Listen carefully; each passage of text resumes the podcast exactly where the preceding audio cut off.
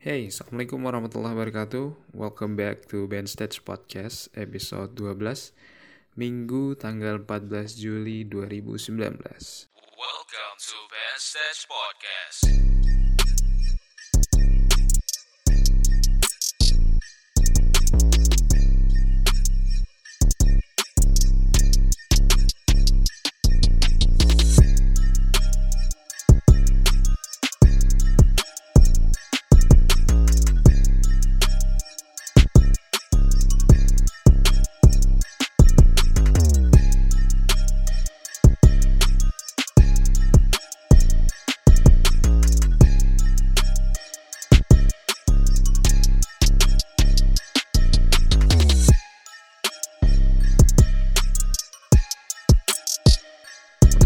Kali ini Mungkin akan sedikit berbeda dengan episode-episode sebelumnya Karena eh, episode ini bisa dibilang sesi curhat gitu ya Tentang keinginanmu berbeda dengan orang tua.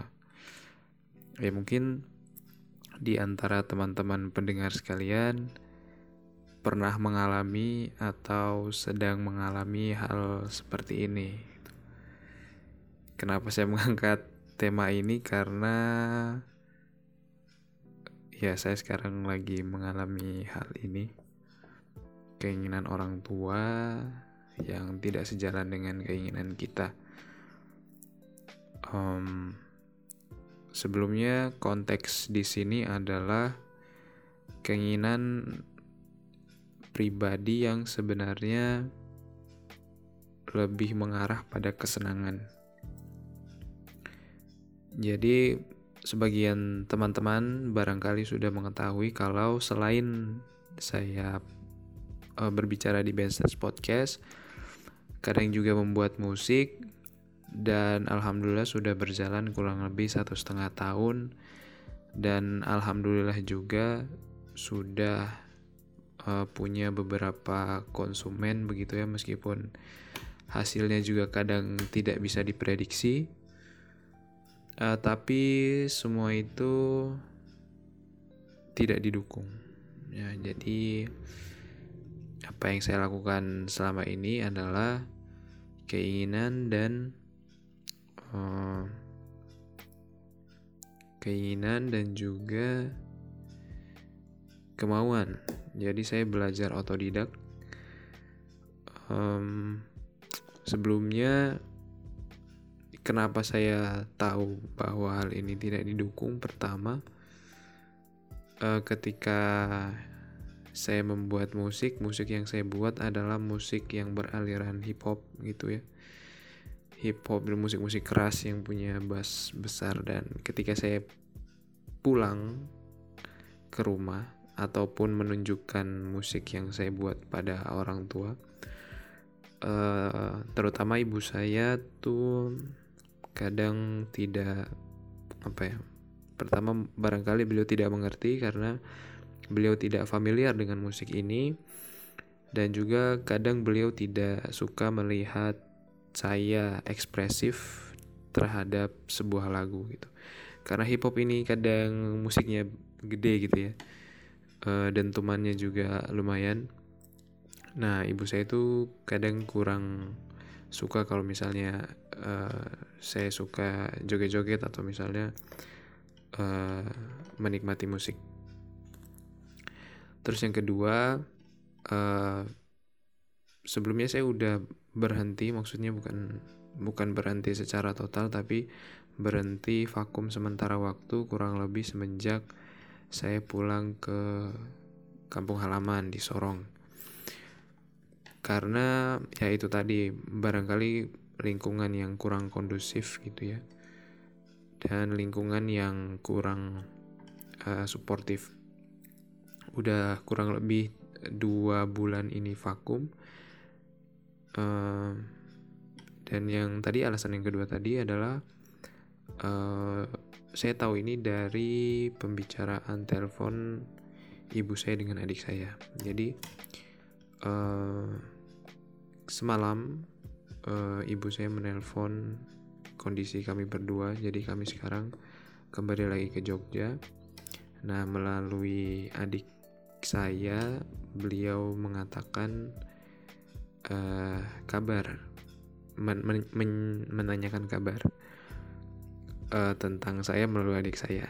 Dan beliau menanyakan kalau uh, kakak kakak lagi apa? Uh, masih sering main game?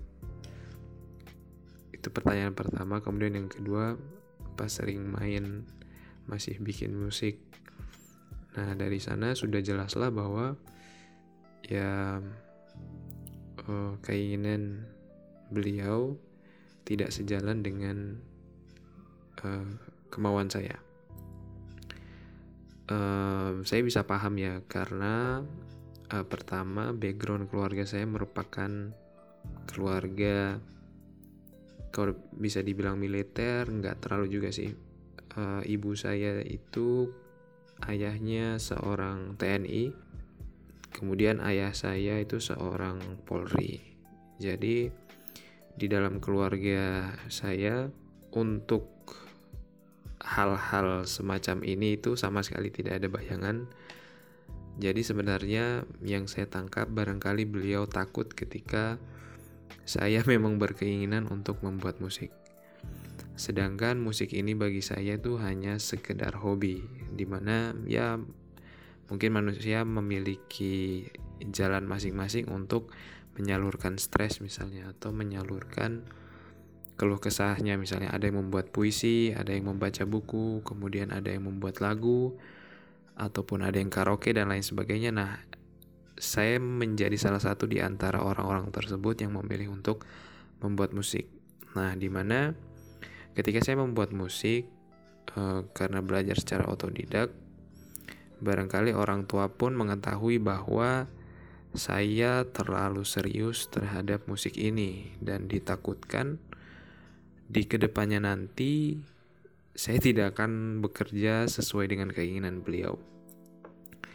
Ya barangkali beliau berpikir bahwa ya ya saya tidak memungkiri bahwa di keluarga kami keinginan orang tua agar anaknya masuk ke dalam ranah aparatur sipil negara itu sangat tinggi. Nah, kami diarahkan untuk masuk ke sana karena ya wajar ya karena zaman dulu itu pekerjaan yang paling diminati dan paling dielulukan mungkin ya itu adalah uh, aparat ataupun pegawai negeri sehingga pekerjaan-pekerjaan dulu dan sekarang akan sangat jauh berbeda dan akan sangat beragam. Uh, di sisi lain dilemanya adalah ketika ibu saya bercerita dengan tetangga gitu ya. Jadi ada anak tetangga tuh uh, memiliki uh, kemampuan, cuma uh, anak tersebut itu memiliki kemampuan dalam bidang menggambar. Jadi gambarnya tuh bagus banget. Dia menggambar uh, manga gitu. Jadi ibunya itu seorang penjahit bapaknya polisi ibunya penjahit dan anaknya tuh suka menggambar manga. Nah mungkin sering melihat ibunya atau mungkin turunan dari ibunya menggambar ya karena penjahit kan biasanya gambar desain baju. Nah anak tersebut akhirnya uh, menekuni gambar tersebut dan disupport sama orang tuanya. Kebetulan anak ini perempuan uh, di mana kadang kalau bercerita dengan ibu saya ibu saya pun sering ibaratnya mengapresiasi bahwa uh, gambar adik ini bagus gambar adik ini uh, bagus banget atau uh, berbakat dan lain sebagainya. Sedangkan kepada anaknya sendiri kadang melihat anaknya menikmati sebuah musik pun kadang nggak suka gitu. Nah itu kadang uh, membuat ya saya nggak menyalahkan orang tua. Maksudnya di, di di podcast ini saya nggak mem membahas bahwa orang tua itu salah tidak mengerti ke- kemauan anak, orang tua itu salah karena selalu mengotot keinginannya.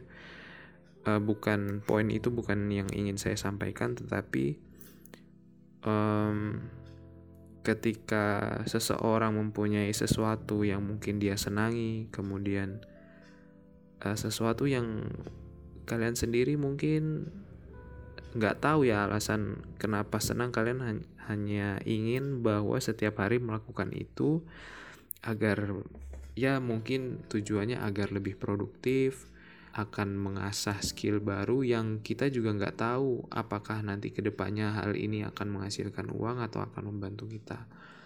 Nah di situlah kita butuh namanya sosok uh, pendukung. Pendukung ini bisa bisa dari berbagai macam orang misal misal dari saudara dari pacar atau dari orang tua. Dan yang paling dekat adalah orang tua. Nah di mana dalam posisi ini orang tua bukan sebagai support tetapi sebagai ya bisa dibilang uh, sebagai pihak yang tidak menyukai nah di situ saya sering merasakan bahwa kadang apa yang saya lakukan itu tidak pernah bisa untuk apa ya diapresiasi dalam keluarga sendiri. Biasa saya mendapatkan apresiasi itu dari orang-orang yang mungkin saya tidak kenal sama sekali.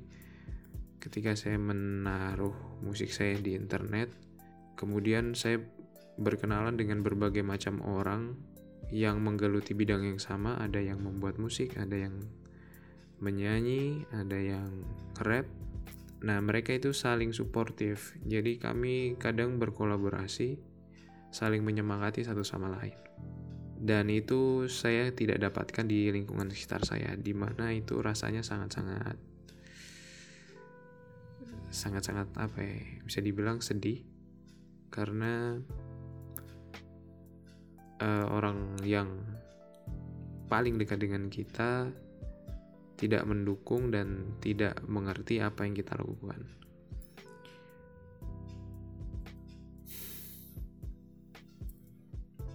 Sebagai anak, uh, saya juga tahu uh, batasan di antara hobi dengan pekerjaan. Untuk dunia musik sendiri, dalam jangka waktu yang dekat, mungkin tidak akan saya jadikan sebagai lahan untuk sumber pencarian uang karena ya saya masih ingin untuk mencari pekerjaan alhamdulillah saya diberi kesempatan untuk berkuliah dan alhamdulillah selesai. Nah dan saya juga memiliki kemauan di bidang yang saya tekuni selama kuliah. Jadi saya mengambil jurusan geologi dan saya suka geologi. Jadi ketika melakukan hobi dalam pikiran saya adalah bagaimana hari-hari yang saya lewati ini menghasilkan sesuatu, menghasilkan sebuah karya atau menghasilkan sesuatu yang bisa membanggakan. Uh, saya percaya bahwa suatu hari nanti uh, apa yang saya lakukan sekarang, hobi yang saya tekuni sekarang akan menjadi sesuatu yang besar karena bukan ingin bermaksud sombong, tapi di negara kita di Indonesia untuk musik-musik genre hip hop itu masih sangat minim referensinya. Jadi produsernya pun masih sedikit. Cuma membuat musik seperti ini tuh memang ada pasar khususnya dan juga uh, memang butuh networking yang luas dan saya yakin pada suatu saat nanti uh, saya akan kembali membuka jalur ini insya Allah kalau memang Allah mengizinkan akan saya kejar uh, hobi ini akan saya terus tekuni meskipun uh, bukan materi sebagai alasan kenapa saya menjalankan ini melainkan hanya sebagai hobi yang ingin saya katakan bahwa bukan tentang apa jadinya nanti tetapi bagaimana respon orang tua terhadap eh, keinginan-keinginan anak. Karena ya barangkali mindset orang tua kita, orang tua saya uh, masih memegang teguh apa yang beliau impikan. Uh, saya paham bahwa setiap orang tua di dunia ini tidak menginginkan anaknya untuk uh, tidak bahagia, tidak ingin menginginkan anaknya susah. Tetapi dalam perjalanannya kadang apa yang kita lakukan tuh bahkan ditolak mentah-mentah. Apa yang kita rintis, apa yang kita usahakan, kita tidak mendapat dukungan, kita di diacuhkan kadang oleh keluarga sendiri. Beberapa hal sudah saya lakukan untuk paling tidak uh, saya mendapatkan semacam lampu hijau gitu ya kalau membuat musik. Saya sudah memberikan beberapa lagu yang didengarkan dan juga beberapa bukti bahwa apa yang saya lakukan ini sudah menghasilkan beberapa beberapa rupiah yang ya ya memang tidak tidak besar dan juga tidak terlalu sering. Tapi itu percuma uh, orang tua tidak pernah bukan tidak pernah uh, orang tua tetap pada pendiriannya bahwa menganggap hal ini akan menghancurkan masa depan mungkin atau hal ini mungkin akan meracuni otak saya pribadi agar tidak tidak melenceng dari tujuan beliau gitu. Sebenarnya keluarga saya itu cukup memiliki darah seni yang tinggi. Kalau dari ay ayah saya, beliau itu punya bakat seni di menggambar dan juga mengukir. Jadi karya-karya beliau tuh masih ada sampai sekarang.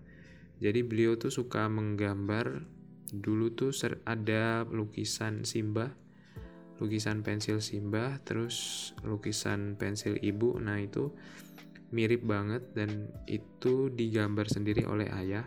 Terus ada telur kasuari. Kalau teman-teman tahu telur kasuari itu bentuknya se sekepal tangan orang dewasa jadi dua tangan orang dewasa ketika di gabungkan. Nah itu telur kasuari bentuk telur kasuari dan beliau mengukir jadi beliau mengukir nama kemudian ada mengukir beberapa gambar. Waktu itu masih ada gambar zodiak.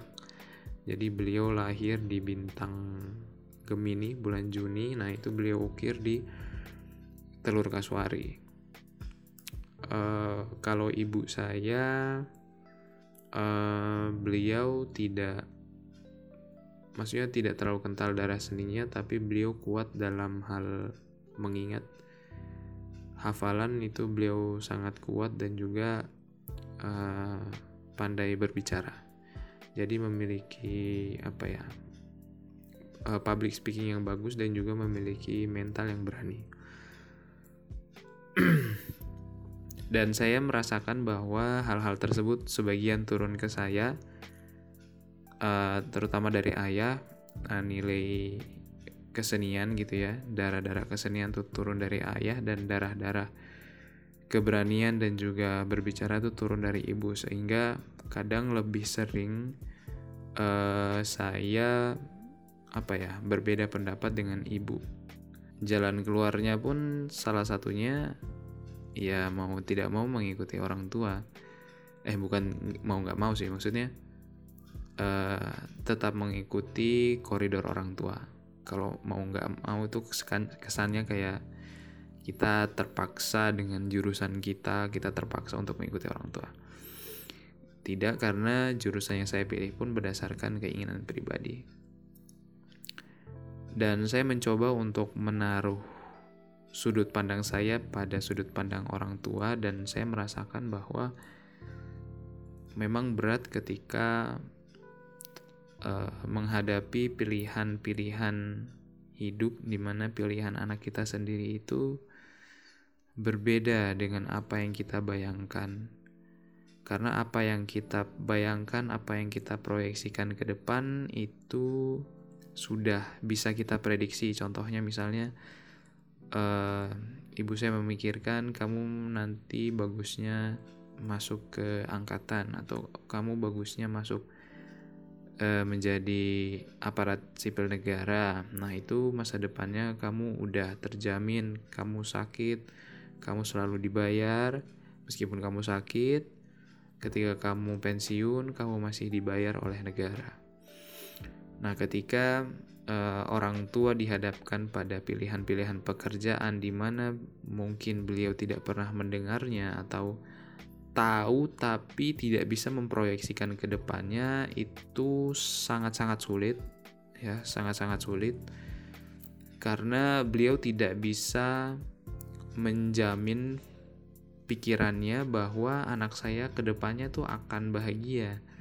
Karena beliau bisa jadi takut akan pertama eh, pekerjaan yang dilakukan mungkin penghasilannya tidak tetap atau ketika nanti sudah tidak bekerja uang akan berasal dari mana nah eh, hal-hal itu yang saya rasa sebagai anak kalau misalnya kita memilih pekerjaannya Nah, itu yang akan kita hadapi dan kita coba jelaskan kepada orang tua kita. Um, karena itu saya rasakan sendiri itu cukup berat ya. Mungkin uh, kalau kalian merupakan uh, anak pertama misalnya ya, kalian uh, memiliki keinginan juga yang baik terhadap adik-adik kalian misalnya.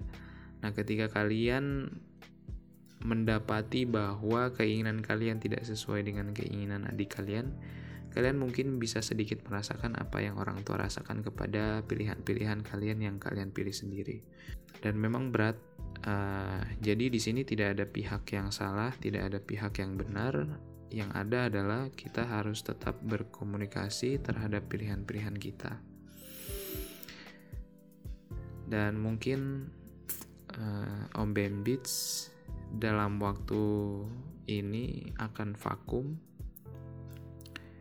Ini merupakan hal yang cukup menyedihkan karena ya seibarat sebuah lilin yang sudah kamu jaga selama satu setengah tahun yang kamu senang melihat lilin itu meskipun apinya kecil tetapi kamu tetap harus memadamkannya dan tetap berjalan meskipun jalannya gelap. Uh, buat teman-teman yang mungkin mengalami persoalan yang sama, uh, tahan.